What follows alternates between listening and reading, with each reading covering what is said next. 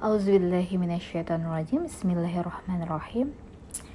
Allahumma salli ala Sayyidina wa maulana Muhammadin Sallallahu alaihi wasallam.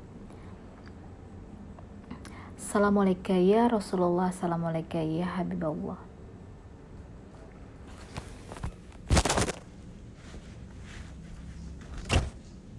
Sahabat podcast yang dirahmati oleh Allah saat ini kita akan memasuki hampir saja kita mau hampir bukan hampir saja ya. Uh, H-2 kita akan masuk ke dalam bulan suci Ramadan. Bulan di mana dikatakan dalam beberapa literatur di yang saya baca. Ini merupakan bulannya umatnya Nabi Muhammad Wasallam. Jadi di bulan Rajab kemarin kita banyak-banyak beristighfar, memohon ampun, diiringi dengan puasa di bulan Rajab.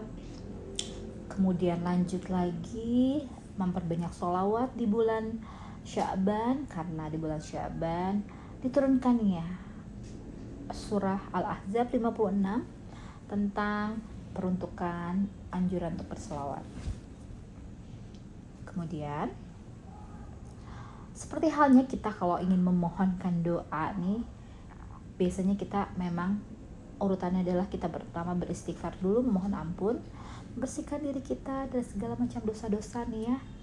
Kalau kita sudah memohon ampun kepada Allah insya Allah Allah mengampuni kita banyak-banyak bermunajat kepada Allah. Dan bulan puasa ini merupakan bulan yang tepat untuk banyak-banyak berdoa.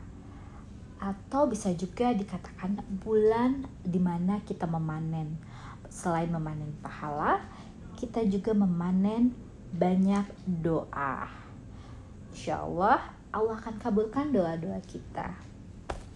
Karena seorang yang berdoa itu pertama harus memohon ampun dulu suci dari segala macam dosa kemudian memperbanyak sholawat dan kemudian banyak lagi sebenarnya. Ada ridho dari orang tua.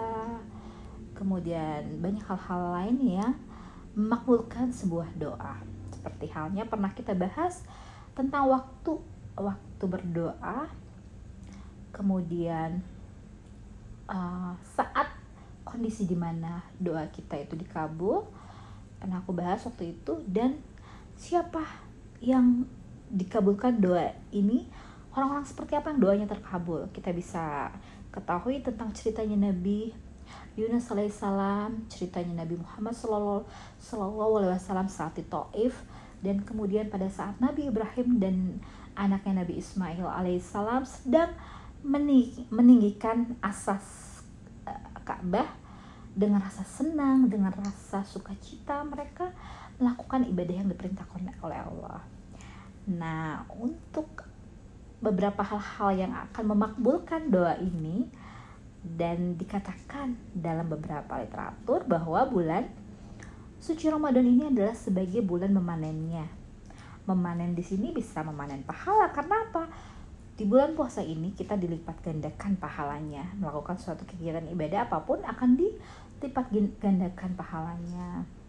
Dan dan juga kita banyak-banyak berdoa karena memanen ini bentuknya adalah salah satunya adalah memanen banyak permintaan-permintaan kita yang kita bisa kita minta dengan tadi sebelumnya beristighfar terus kemudian dengan bersolawat kemudian kita memperhatikan beberapa hal-hal tentang dikabulkannya doa seperti hal doa-doanya nabi, nabi para nabi tentang waktunya berdoa terus kondisinya seperti apa dan kondisi kita pun dalam melakukan segala sesuatu ibadah dengan rasa senang suka. Nah, dari ini semua kita mulai dari sekarang ini kira-kira doa-doa apa yang bisa kita panjatkan kepada Allah Subhanahu wa taala tentang yang pastinya kita minta terus diberikan cahaya ya di surat At-Tahrim ayat ke-8 itu dikatakan bahwa Rabbana atmim lana nuran waqfir lana innaka ala kulli syai'in qadir dan ada lagi doa di surat terakhir Al-Baqarah pada saat kita melakukan kesalahan kita minta kepada Allah untuk tidak langsung gitu dihukum oleh Allah ya mudah-mudahan kita semua diberikan ampunan diberikan uh, terus cahaya terang kita di hati agar kita bisa terus memohon kepada Allah untuk diberikan segala macam yang dibutuhkan untuk menuju ihdinas siratal mustaqim. Dan aku mereview beberapa tentang uh, kehidupan aku ya belakangan ini yang aku banyak dapatkan beberapa hikmah di antaranya adalah bahwa segala sesuatu itu pastinya akan mengandung sebuah pelajaran berharga buat kita. Tapi bagaimana kita dapat memetik sebuah pelajaran? itu di antaranya dengan mentafakuri memikirkan apa kesalahan-kesalahan yang kita buat dan setiap kesalahan itu selalu mengandung arti bermakna. Salah satunya adalah bahwa kita jangan lupa berkah solawat insya Allah dalam keadaan kita melakukan kesalahan insya Allah salawat akan menyelamatkan kita untuk kembali kembali lagi ke jalan yang lurus jalan yang diridhoi oleh Allah. Kedua keberkahan dari solawat dan kemudian yang kedua adalah kita tidak pernah malu untuk meminta maaf kepada siapa pun yang kalau kita salah ya udah kita meminta maaf.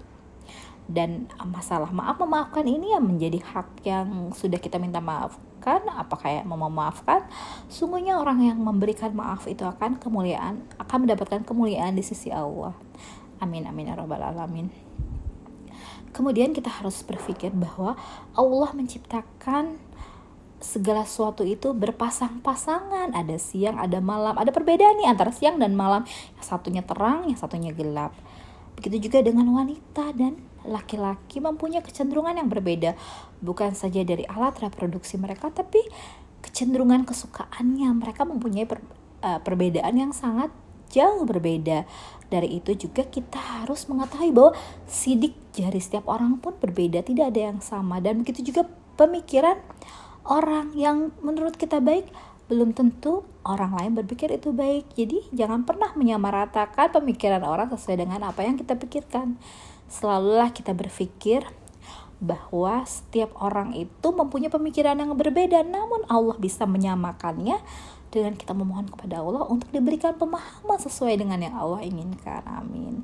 Semoga kita terus diberikan pemahaman sesuai dengan Allah inginkan dan kemudian bahwa segala sesuatu upaya yang kita upayakan di dalam kehidupan kita entah hajat kita entah segala maksud tujuan kita kita hanya bisa berikhtiar semaksimal mungkin dan selebihnya kita serahkan sama Allah.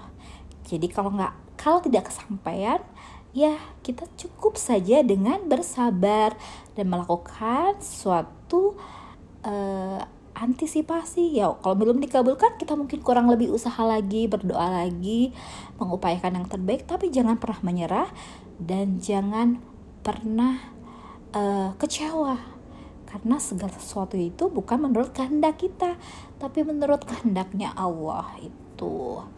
Bahwa kita kalau menurut kehendaknya kita nih banyak sekali hal-hal yang sesuai dengan inginnya dengan sesuai dengan pemikiran kita tapi Allah berkata lain bahwa uh, segala sesuatu yang Allah telah tetapkan itu yang terbaik untuk untuk kita. Apalagi ya yang menjadi hikmah yang aku dapatkan beberapa hari ini.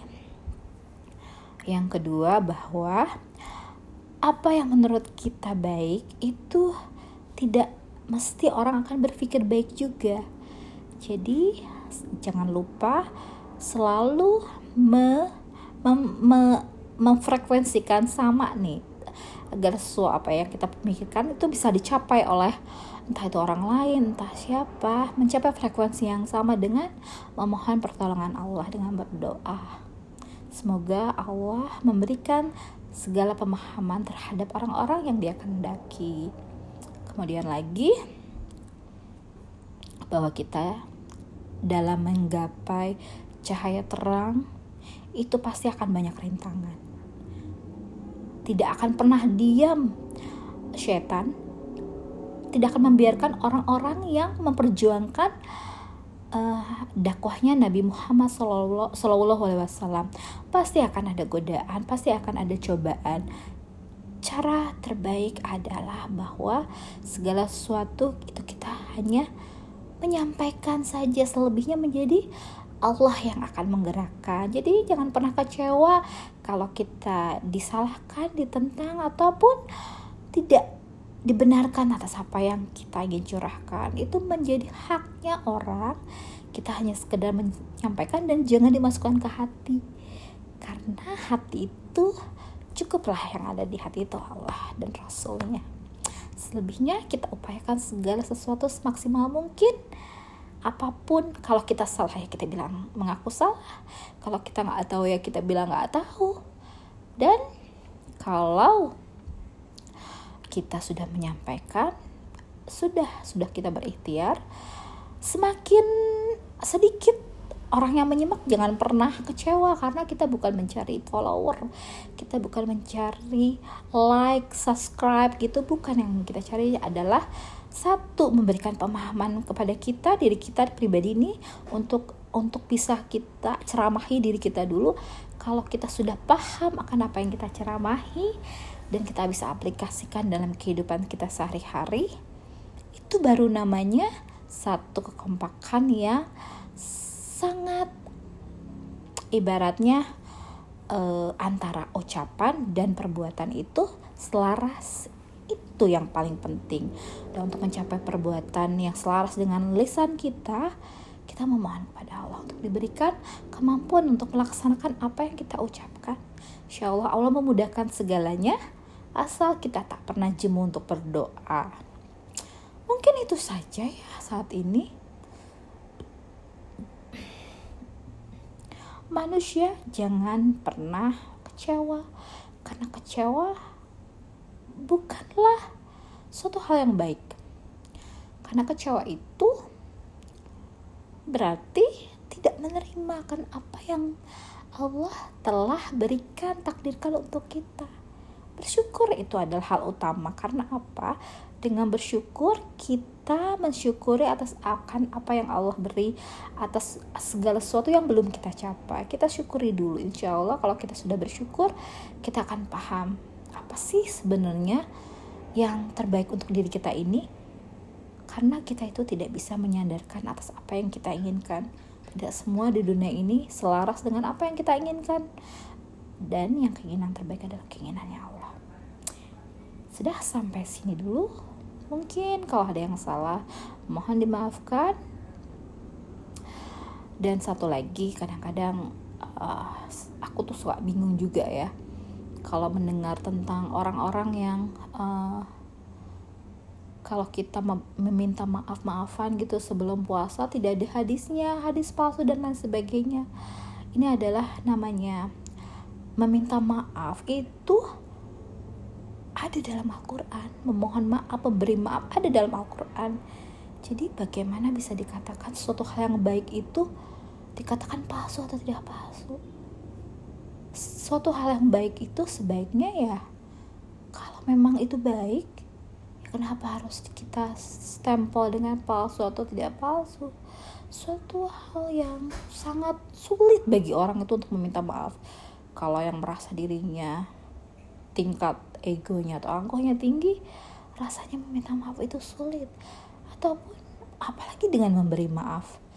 Karena apa sih yang enggak yang yang gak bisa gitu bagi manusia semuanya harus bisa. Karena apa? Allah aja maha pengampun. Allah aja maha, maha memaafkan. Masa kita sebagai manusia tidak memaafkan? Tahu nggak? Ini teruntuk diri saya sendiri. Uh, karena memang maaf itu adalah menurunkan ego kita bahwa salah ataupun tidak meminta maaf adalah suatu hal yang baik. Jadi tidak perlu ya dipermasalahkan. Mau bulan puasa atau kapan pun namanya memohon-mohon maaf itu sudah selayaknya kita lakukan. Setiap kita merasa entah kita menyakiti entah kita berbuat salah. Mungkin itu saja. Assalamualaikum warahmatullahi wabarakatuh. Alhamdulillahirrabbilalamin Subhana rabbika rabbi izzati amma yasifun Wassalamun ala mursalim Walhamdulillahirrabbilalamin